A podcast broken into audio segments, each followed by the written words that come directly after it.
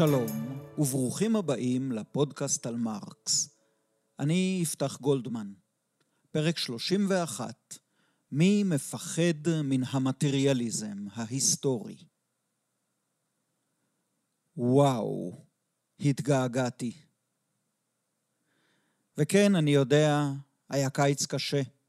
יש לי לא מעט רגשי אשמה על כך שגזלתי מכם את פינת האסקפיזם של הפודקאסט על מרקס. אבל מצד שני, זו הייתה הפסקה נחוצה, ואני שמח לבשר שאני חוזר לשדר בכוחות רעננים, וברגע זה שאני מקליט יש לי כבר שלושה פרקים של העונה החדשה של הפודקאסט על מרקס, כתובים בתוך המחשב שלי. אני רוצה גם להודות לכל אחד ואחת מכם, לכל אחד ואחת שכתבו, שאלו, התווכחו והציעו בוואטסאפ, באימייל, באתר הפודקאסט או בדף הפייסבוק במהלך ההפסקה שלנו. חברים, פידבקים זה הדלק שמניע פודקסטרים. פידבקים מכל הסוגים, גם ביקורתיים. הכי גרוע זה להרגיש כמו בסלוגן של הסרט הנוסע השמיני, שאתה זועק או משדר לחלל שבו אין איש שישמע אותך. לטובת המאזינים שאינם בני הדור שלי, הנושא השמיני הוא סרט מדע בדיוני מסוף שנות ה-70, בבימויו של רידלי סקוט ובכיכובה של סיגורני וויבר. זה סרט מפחיד בטירוף, והוא גם מקרה נדיר שבו שם הסרט בעברית הרבה יותר מוצלח מן השם המקורי באנגלית. זהו. כתבתי את הדברים שתשמעו עכשיו במהלך חודש יולי, ואני מקליט אותם היום, ה-14 באוגוסט. ואני עדיין לא יודע מה יביא איתו הסתיו. אבל זה נראה לי ניחוש די מבוסס, שאתם תמשיכו להזדקק לפינת האסקפיזם הזאת. אז אני שמח לחזור ולהגיש לכם אותה. ככלות הכל, הפודקאסט על מרקס הוא גם פינת האסקפיזם שלי. דממת האלחוט שלי במהלך הקיץ אפשרה לרבים מכם להשלים פערים ולהגיע אל קו העצירה האחרון שלנו, הפרק השלושים. בשעה שאני מקליט את הדברים האלה, נרשמו כבר כ-650 האזנות לפרק השלושים שאיתו יצאנו לחופשה. אבל רבים מכם כתבו לי שהם מאזינים לכל פרק יותר מפעם אחת, אז אני מעריך ש... כ-600 מאזינים עומדים כעת איתי בקו אחד, דרוכים, מוכנים ומזומנים לפרקים הבאים. האדמה אתכם ל-600 הפרשים של הבריגדה הרכובה הקלה בשירו של אלפרד לורד טניסון, רוכבים אל תוך גיא צלמוות של ארטילריה מרקסית דיאלקטית? לא, זה יהיה טרגי מדי. מוטב אומר שאתם שש מאות הנוצרים הנאמנים שנאספו לקול קריאתו של המלך אלפרד הגדול אל האבן הגדולה באדינגטון, מוכנים ומזומנים להסתער על הצבא הוויקינגי ולהכותו חרב בשם האל, המלך אלפרד ומלכות וסקס. הוי, שש מאות בני חיל, דעו כי אתם האוונגרד של הפודקאסט על מרקס, ומאחוריכם נמשך טור ארוך של מאזינים המתקדמים עדיין במעלה הפודקאסט. אני שמח לספר שבכל יום נוספים מאזינים חדשים המקשיבים לפרק הראשון, ולפחות חלק מהם גם ממשיכים הלאה. אגב, לא יהיה פרק על הסתערות הבריגדה הרכובה הקלה במלחמת קרים ועל השיר של טניסון, וגם לא פרק על קרב אדינגטון והמלך אלפרד. אבל סביר מאוד להניח שיהיה פרק שבו נדבר על המושג אוונגרד. כפי שהבטחתי לפני החופשה, בפרקים הבאים, שאפשר לקרוא להם העונה השנייה של הפודקאסט על מרקס, אחזור אל הנושאים הגדולים שעסקתי בהם בעונה הראשונה, ואנסה לומר לגביהם משהו נוסף, שטרם נאמר. חמשת הנושאים הללו היו לפי הסדר המטריאליזם ההיסטורי, העבודה המנוכרת, קפיטליזם וניצול, תורת המדינה של מרקס ותורת המהפכה. מכאן שהיום עלינו לחזור ולדבר על המטריאליזם ההיסטורי. נתחיל. בפרקים הקודמים שעסקו במטריאליזם ההיסטורי, אמרתי שהוא טורד את מנוחתנו. אנחנו מתקשים לקבע את המטריאליזם ההיסטורי היטב במקומו. כשנדמה לנו שהצלחנו לצוד אותו, הוא חומק לפתע. כשנדמה לנו שהבנו אותו על בוריו, ההבנה לפעמים מתפוגגת או קורסת. אז מה הסיפור עם המטריאליזם ההיסטורי? מדוע הוא כל כך קוסם לנו מצד אחד וכל כך מבלבל אותנו מצד שני? זו שאלה מורכבת המחייבת תשובה מורכבת, אבל לפחות אחד הרכיבים בתשובה הוא המושג דטרמיניזם. בפרקים הראשונים של הפודקאסט על מרקס, הצלחתי איכשהו לפסוע בזהירות מסביב למושג הזה, מבלי להעיר אותו מתרדמתו. כלומר, מבלי לדבר עליו במילים מפורשות. עכשיו הגיעה העת לעשות זאת, ולומר, לפחות אחת מן הסיבות שאנחנו חוששים מן המטריאליזם ההיסטורי, היא שמטריאליזם מגיע בדרך כלל בעסקת חבילה עם דטרמיניזם.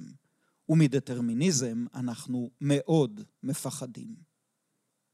במילים הפשוטות ביותר, דטרמיניזם הוא ההשקפה האומרת שהכל קבוע מראש. יש להשקפה הזאת אחות קטנה ופחות פילוסופית הנקראת פטליזם. פטליזם הוא העמדה המניחה שהגורל קבוע מראש, וכל ניסיון לשנות את גורלך הוא ניסיון סרק, או אף שניסיון זה עצמו ישתלב בתוכנית הגדולה שתגרום לגורלך להתגשם. יש לכך אין ספור דוגמאות במיתולוגיה ובספרות, אבל זו של אדיפוס המלך היא ככל הנראה המפורסמת מכולן, לפחות בקורפוס הספרות המערבית. אדיפוס, שגדל כבנם של מלך ומלכת קורינטוס, שמע מפי האורקל בדלפי שהוא עתיד להרוג את אביו ולשכב עם אמו. הנסיך הצעיר מזדעזע. נחוש בדעתו לשנות את רוע הגזרה, הוא נמלט מבית הוריו ויוצא לנדודים. פעם אחת, על פרשת דרכים, נכנס הצעיר חמום המוח בדין ודברים עם אדם זקן ונשוא פנים. פורצת תגרה, ואדיפוס הורג את הזקן. הוא ממשיך בדרכו, וסופו שהוא מגיע לעיר הגדולה תבאי. העיר תבאי נמצאת בצרה גדולה. מפלצת אכזרית בשם ספינקס, כן, זה הספינקס המקורי, מאיימת על העיר, והמלך של תבאי, אשר יצא לפני ימים רבים להזעיק עזרה, נעלם ולא שב, וככל הנראה נהרג. אדיפוס מנצח את המפלצת ומשחרר את תבאי משלטונה. לאות תודה, מזמינים אותו אנשי תבאי לרשת את כיסאו של מלכם ולשאת את אלמנת המלך, שעדיין היא במיטב שנותיה. אדיפוס נענה להצעה, מתמנה למלך תבאי, מתחתן עם המלכה ומוליד איתה שני בנים ושתי בנות. זוהי פחות או יותר נקודת הפתיחה של המחזה הקלאסי אדיפוס המלך מאת אה, סופוקלס. המחזה הוא מסע של גילוי עצמי של הגיבור. בסוף המחזה מתגלה לאדיפוס האמת המחרידה על עצמו. אמת שהצופים במחזה יודעים כבר מראש. הוא מגלה שהוא לא באמת בנם של מלך ומלכת קורינטוס, הוא רק בנם המאומץ. הוריו הביולוגיים היו מלך ומלכת תבאי. מלך תבאי, אבא של אדיפוס, הוא זה שיצא לבקש עזרה כדי להציל את העיר מידי הספינקס המפלצתית, והוא-הוא הזקן שאדיפוס הרג בקטטה בפרשת דרכים זמן קצר טרם בואו לעיר. עתיד לרצוח את אבא שלו? צ'ק. אה, כן, כמובן. אלמנת המלך, מלכת תבאי, שאיתה אדיפוס הביא ארבעה צאצאים, היא, כך מסתבר, אמו הביולוגית. עתיד לשכב עם אמא שלו? צ'ק. הנה כך, המעשים שעשה אדיפוס מתוך כוונה לברוח מן הגורל הנורא שלו, הם אלה שדחפו אותו להגשמת גורלו זה. לנו נשאר לתהות מה היה קורה אם אדיפוס לא היה שומע את דברי האורקל בדלפי, או אפילו היה שומע אותם, אבל מחליט לאמץ עמדה פטליסטית ואומר שאי אפשר ממילא לשנות את הגורל. הוא היה נשאר בקורינטוס, ומעולם לא פוגש את אביו על אם הדרך, או מגיע לתיבאי ומתחתן עם אמו, או שאולי לא כך? שמא הגורל היה מתגשם בכל מקרה? ושמא עצם העובדה שאדיפוס שמע את נבואת האורקל, ועצם העובדה שהחליט לנסות להפר את הנבואה, גם הן מלכתחילה חלק מן התוכנית הקבועה מראש. כאמור, סיפורים, חידות ומשלים כאלה הסעירו את דמיונם של בני האדם מאז ומעולם ואתגרו את המחשבה הלוגית שכולנו גאים בה כל כך. זה הפטליזם. הדטרמיניזם, לעומת זאת, הוא הרבה פחות ספרותי והרבה יותר פילוסופי, מושגי. הוא בכלל לא מעסיק עצמו במונחים עמומים וספרותיים כמו גורל. הדטרמיניזם הוא עמדה במטאפיזיקה, והוא מתחיל בטענה התמימה שהדברים שקורים לא קורים כך סתם, או בלשון אחר, שלכל דבר יש סיבה. המים בקומקום לא מבעבעים כך סתם. סיבת הביעבוע היא שהם הגיעו לנקודת הרתיחה. וסיבת הרתיחה היא שהעמדתי את הקומקום על הקיריים והדלקתי את האש. ניחא. אבל מה זה בדיוק סיבה? ומה צריך כדי שדבר כלשהו יהיה סיבה? אחת הדרכים להציג באופן לוגי את המושג סיבה היא לומר כך: סיבתו של דבר היא רשימה של תנאים, אחד או יותר, שכל אחד מהם הכרחי להתרחשותו של הדבר, וכל התנאים הללו ביחד מספיקים כדי שדבר זה יתרחש. בדוגמה הקודמת, את הסיבה לרתיחת המים אפשר להציג כך: א', יצקתי מים לקומקום, ב', הנחתי את הקומקום על הקיריים, ג', הדלקתי את האש בקיריים. נניח. לצורך הדיון נקבל שכל אחד מן התנאים הוא הכרחי. כפי ששרו חברי להקת כוורת, אם אתה מבשל ספגטי והמים לא רותחים, מה דעתך להדליק את האש, כי זה מה שכולם עושים? או ליתר דיוק, כי זהו תנאי הכרחי. אבל מה שאפילו יותר חשוב, שלושת התנאים הללו ביחד הם מספיקים. מספיק שיתקיימו שלושתם כדי שאוכל לקבוע בוודאות שהמים ירתחו. אם מתקיימים כל התנאים, המים חייבים לרתוח. זה הכרחי. הם לא יכולים להחליט שבא להם להישאר ב-20 מעלות או לרדת אל מתחת לאפס. לכאורה, טוב ויפה. אבל הנה נפערת מולנו תהום הדטרמיניזם.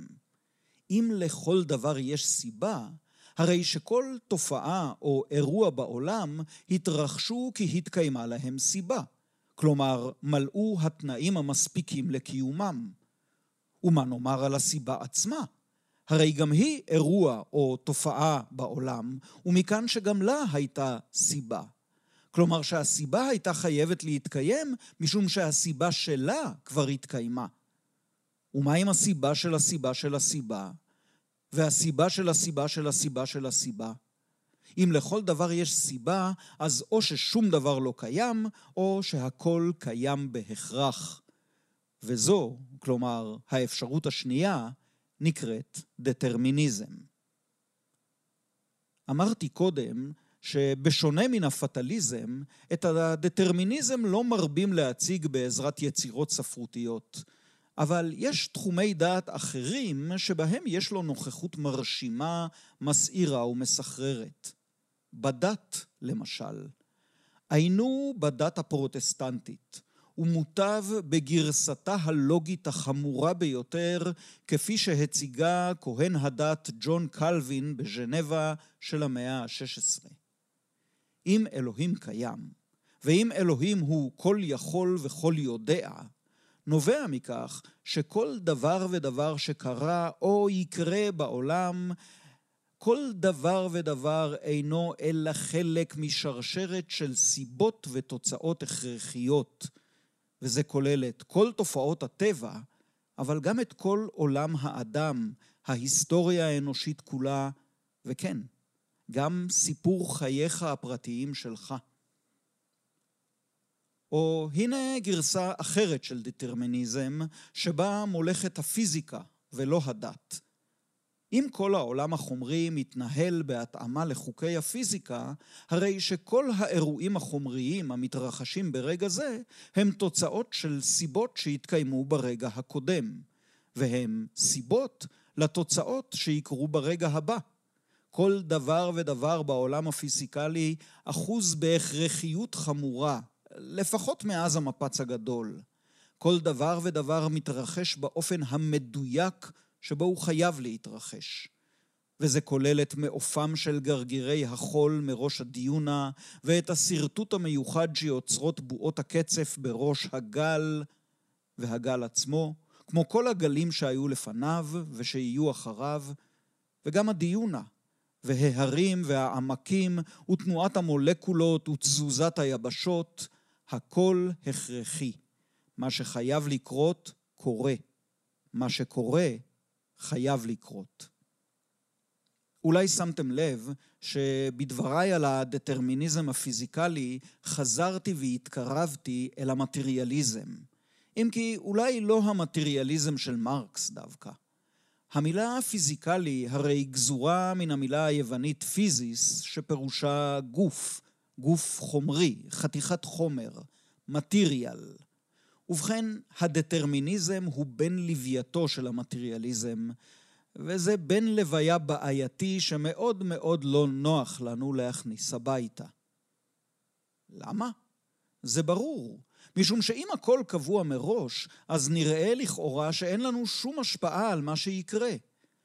והשקפה כזאת שומטת את הקרקע מתחת למה שאנחנו מחשיבים לפעמים כצלם אלוהים שבאדם, או כמהות המזוקקת של האנושיות, חופש הבחירה שלנו. וככל שאנחנו מבקשים להציל את חופש הבחירה שלנו מאימת הדטרמיניזם, אנחנו גם נוטים להתרחק מן המטריאליזם ומתקרבים אל ניגודו. אני מזכיר שהמטריאליזם הוא עמדה מטאפיזית הטוענת שהעולם הוא חומרי במהותו. העמדה המנוגדת נקראת אידיאליזם. האידיאליזם טוען שהעולם הוא רוחני במהותו. ויש גם עמדת ביניים מטאפיזית הטוענת שיש בעולם גם חומר וגם רוח. לזאת קוראים בפשטות דואליזם. ועליי להמשיך עוד קצת את החזרה הזאת על שיעור הפילוסופיה ולספר לכם שהמסורת של הפילוסופיה המערבית נטתה לזהות את החומר עם פסיביות ועם כפיפות לחוקי טבע הכרחיים ולכן עם דטרמיניזם. את הרוח לעומת זאת הפילוסופיה זיהתה בדרך כלל עם אקטיביות, חירות וספונטניות. כך אומר מרקס בתזה הראשונה על פוירבך, ציטוט: את הצד הפעיל, בניגוד למטריאליזם, פיתח האידיאליזם, אבל באורח מופשט בלבד.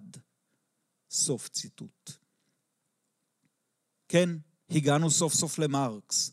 במשפט שקראתי זה עתה, וגם בהמשך התזה הראשונה, מרקס מצביע על המוגבלות של המטריאליזם המטאפיזי, שאיננו תופס את עקרון הפעילות האנושית כגורם משנה מציאות, גורם מהפכני. והרגע אמרנו שהפעילות היא מאפיין של הרוח ולא של החומר. אז מה היה מרקס? אידיאליסט מטאפיזי? מטריאליסט מטאפיזי? למיטב הבנתי, התשובה היא שלמרקס אין כל מטאפיזיקה. ולכן כמעט כל מה שאמרתי בפרק זה עד עכשיו נמצא במידה רבה מחוץ לשדה הדיון של מרקס.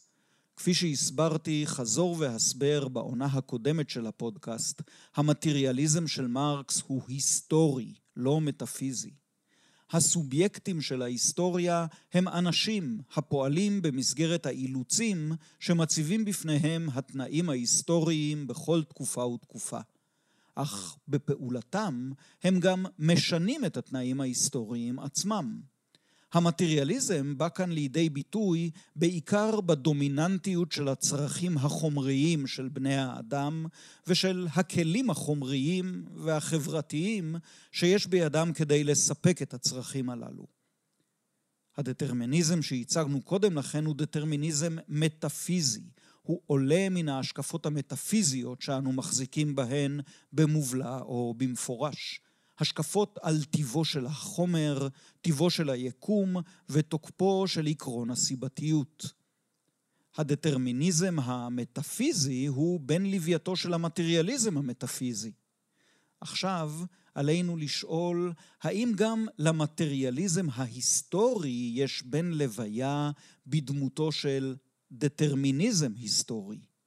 האם התהליכים ההיסטוריים קבועים מראש באותו הכרח חמור שבה קבועה מראש תוצאת חימום המים בקומקום שעל הקיריים? לפני שנגיד מה מרקס חשב בעניין זה, אני רוצה לעשות משהו שלא הרביתי לעשותו בעונה הקודמת, וזה לשוטט איתכם קצת בשכונה המרקסיסטית, ולפגוש כמה פרשנויות ועמדות מרקסיסטיות שהתפתחו אחרי מותו של מרקס. בחמישים השנים הראשונות של המרקסיזם, פרשנים רבים שלו נהגו להציג את המטריאליזם ההיסטורי כדטרמיניסטי, לפחות בכל הנוגע לתמונה הגדולה, לאירועים או התהליכים ההיסטוריים הגדולים. היה אירוע היסטורי אחד, שבעיקר בהתייחס אליו הוצגה העמדה הדטרמיניסטית, ואירוע זה הוצג על ידי המהפכנים לא כמשהו שהתחולל בעבר בהתאם לחוקים הכרחיים ובעלי תוקף מוחלט, אלא כמשהו שהתחולל בעתיד, בעתיד הקרוב, בהתאם לחוקים הכרחיים, לחוקים ההכרחיים והמוחלטים של המטריאליזם ההיסטורי. המשהו הזה היה כמובן המהפכה הקומוניסטית עצמה, קריסתו של אופן הייצור הקפיטליסטי והתהוותה מתוך מהפכה של חברה קומוניסטית חופשית. כמובן, 35 שנים לאחר מותו של מרקס, פרצה מהפכה קומוניסטית ברוסיה. היא פרצה לא במקום שחשב עליו מרקס ולא באופן שהעלה בדעתו, אך בכל זאת היה זה לכאורה אישוש של הדטרמיניזם ההיסטורי. המהפכה הייתה חייבת לפרוץ, ואכן פרצה.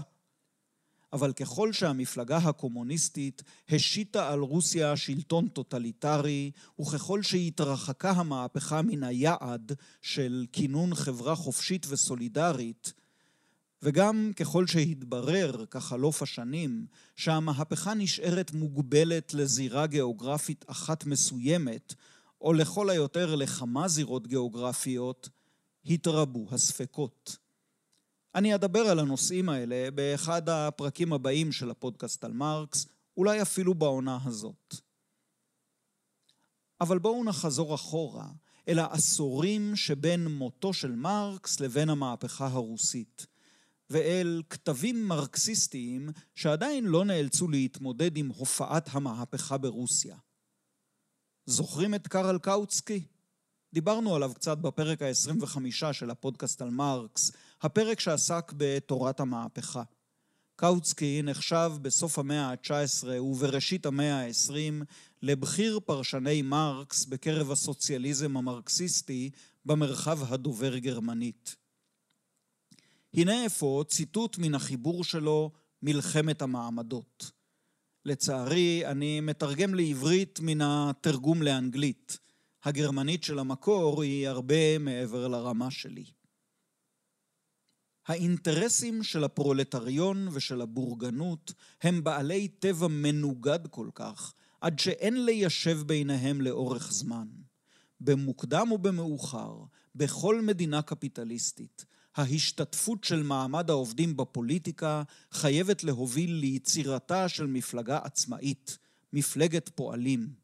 וכשתיווצר מפלגה כזאת, היא חייבת להציב לעצמה את המטרה של כיבוש השלטון למען האינטרסים של המעמד שאותו היא מייצגת.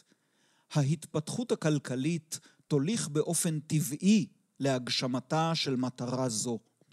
המועד והאופן של השגת המטרה עשויים להיות שונים מארץ לארץ, אך אין מקום לספק באשר לניצחונו הסופי של הפרולטריון. זה סוף הציטוט, אבל לא סוף דבריו של קאוצקי, הממשיכים לסובב עבור הקורא את גלגלי ההיסטוריה של העתיד, ולהראות לו צעד צעד, בחוקיות כמעט מכניסטית ועקביות לוגית חמורה, מדוע המהפכה תתחולל בהכרח. יתרה מזאת, היא לא רק תתחולל, היא גם תחולל בתורה את החברה החופשית נטולת המעמדות. קשה לקרוא את הטקסט הזה במבט לאחור מן המאה ה-21 מבלי לצחוק או לבכות. בקטע שקראתי הרגע, וגם במה שבא אחריו, אין אפילו טענה אחת אשר לא הופרכה באופן היסטורי. אגב, אפשר בהחלט לשאול לא רק מה זה אומר על תורתו של קרל קאוצקי, אלא גם מה זה אומר על תורתו של קרל מרקס. זו שאלה קשה, שלא אענה עליה היום. המאזינים הוותיקים של הפודקאסט על מרקס כבר יודעים שאין תשובות מהירות וקצרות לשאלות קשות. רק לשאלות קלות ולא כל כך מעניינות יש תשובות פשוטות. מכל מקום, ברור מדוע ככל שחלפו שנים ועשורים ומהפכה עממית פרולטרית ומשחררת בוששה לבוא, הלכה והצטננה חיבתם של פרשני מרקס לעמדה הדטרמיניסטית.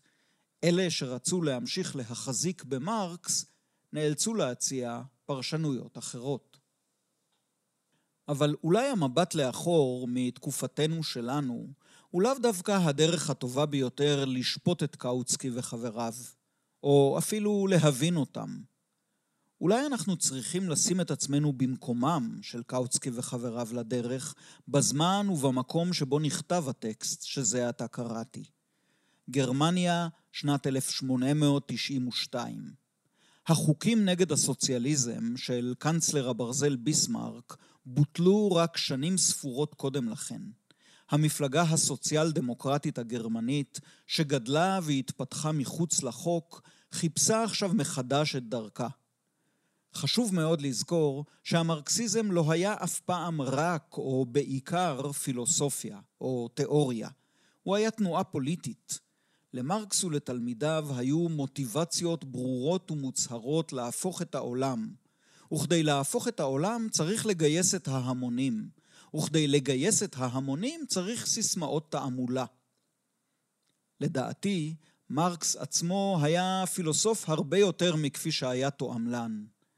אצל מרקסיסטים אחרים הפרופורציות השתנו. יתר על כן, התעמולה הפוליטית חודרת כביכול אל תוך התיאוריה, והצרכים של התעמולה ושל המאבק הפוליטי כופים עצמם לא פעם על התיאוריה.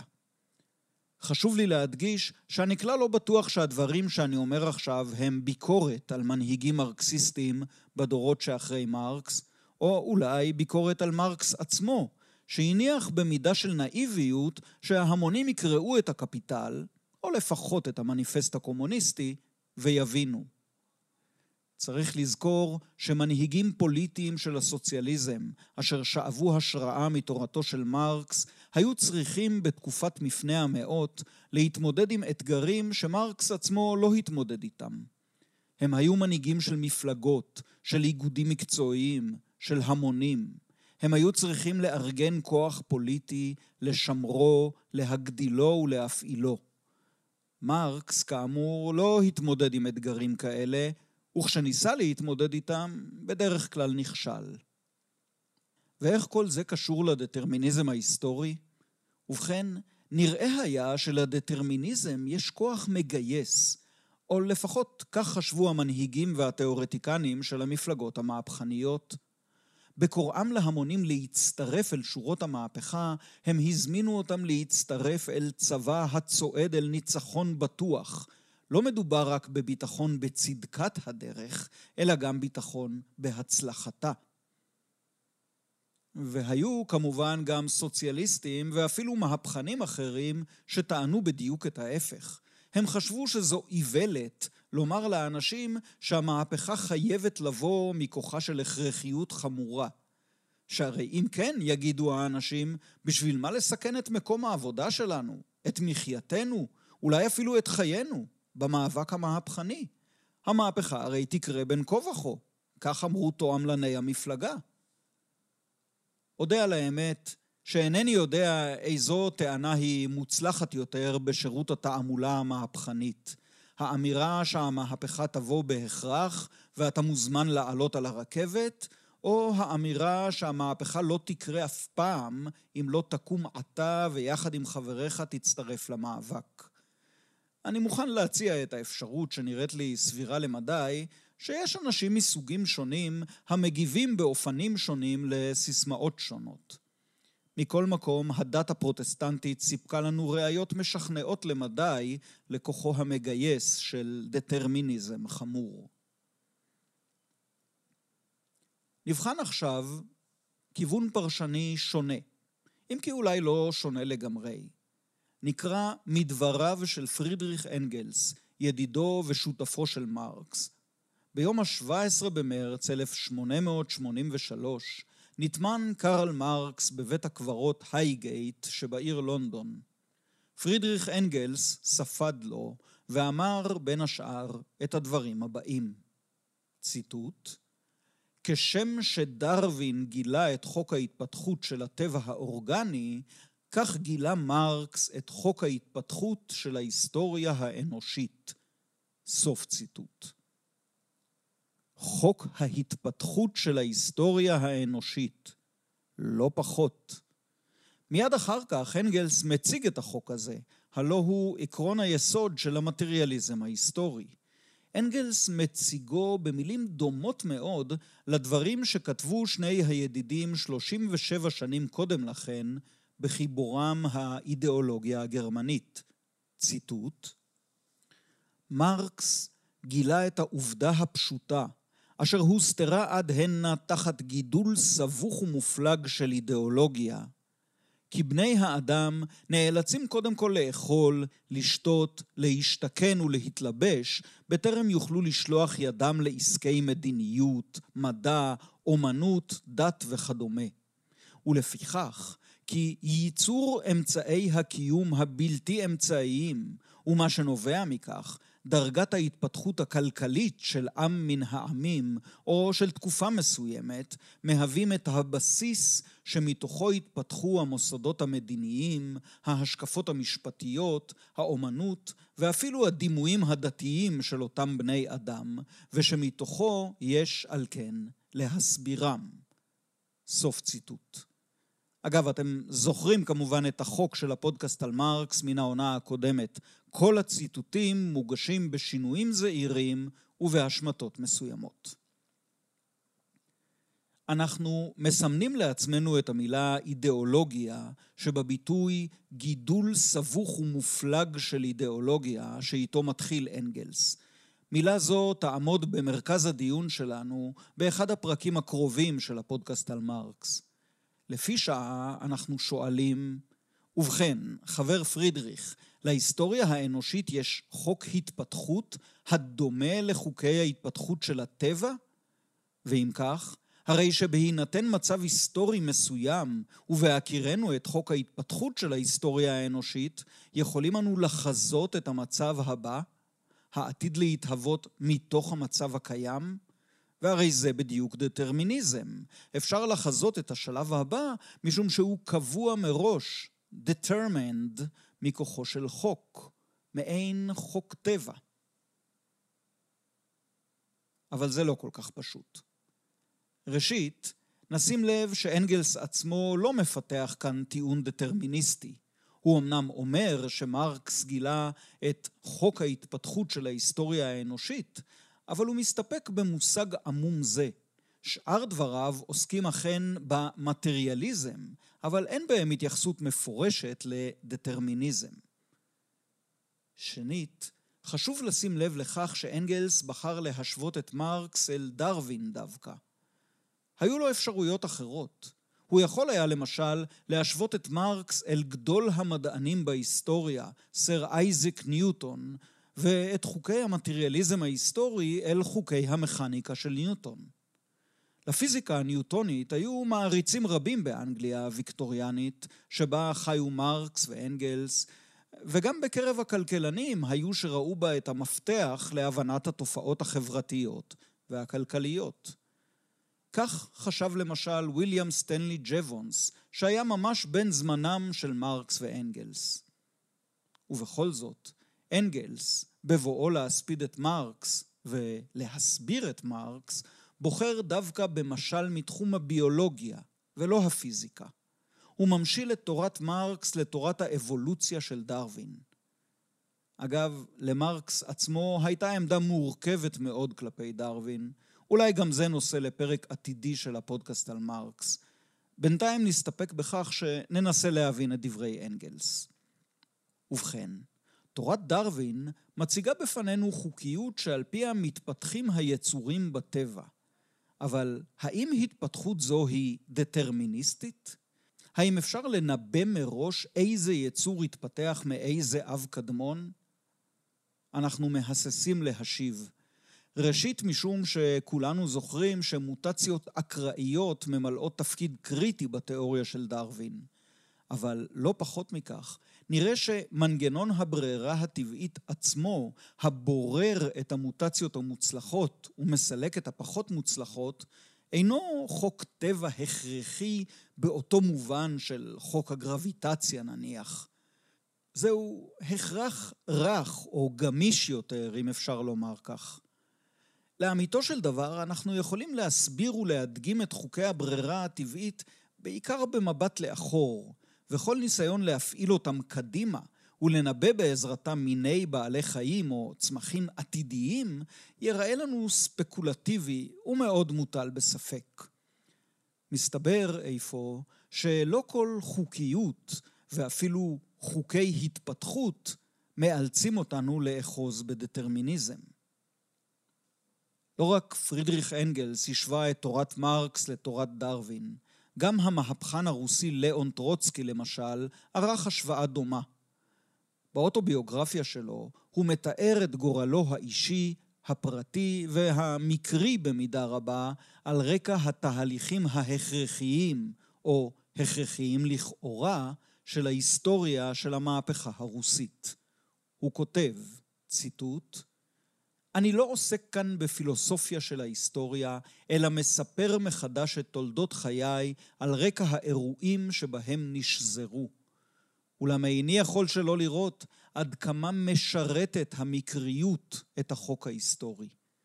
באופן כללי, התהליך ההיסטורי כולו הוא השתקפות של החוק ההיסטורי מבעד למקרים. בשפתם של הביולוגים אפשר לומר שהחוק ההיסטורי מתגשם כברירה טבעית של המקרים. על הבסיס הזה מתפתחת הפעילות האנושית המודעת המכפיפה את המקרים לתהליך של ברירה מלאכותית. סוף ציטוט.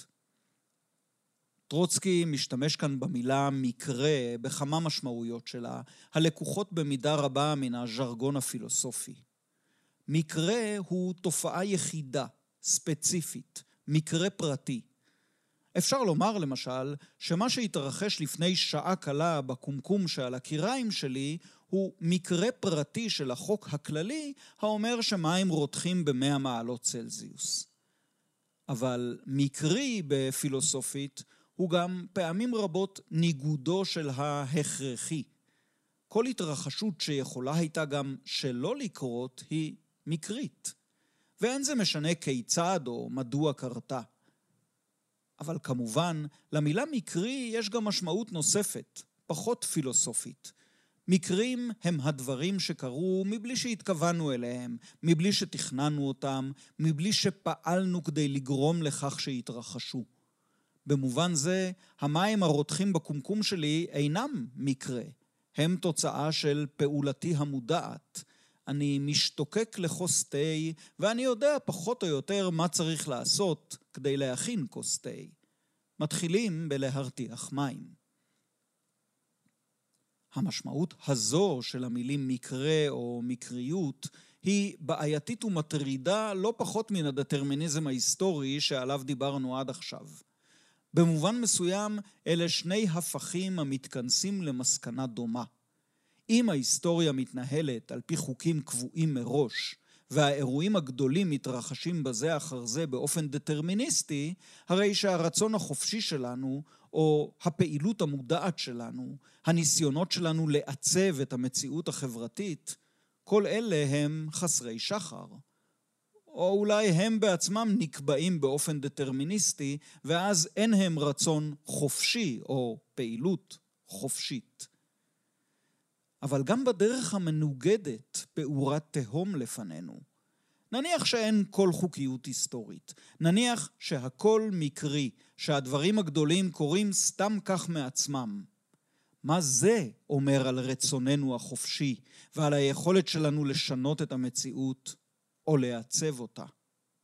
וכמו בפרקים קודמים של הפודקאסט על מרקס, גם כאן אני נדרש לרב, לפילוסוף, למשורר ולזמר מאיר אריאל, האומר כך בשירו "מה חדש במדע".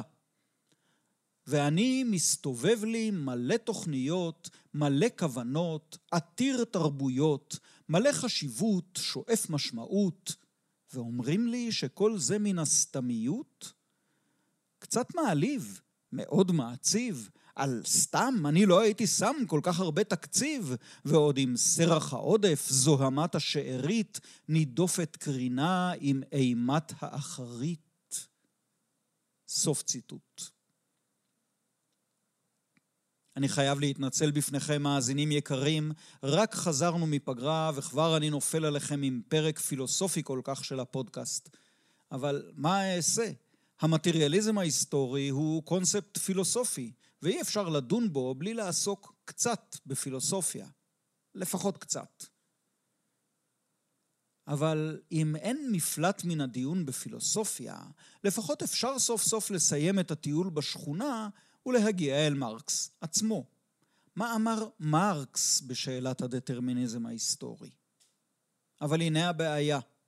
מרקס אמר על כך דברים שונים שלא בהכרח מתיישבים אלה עם אלה.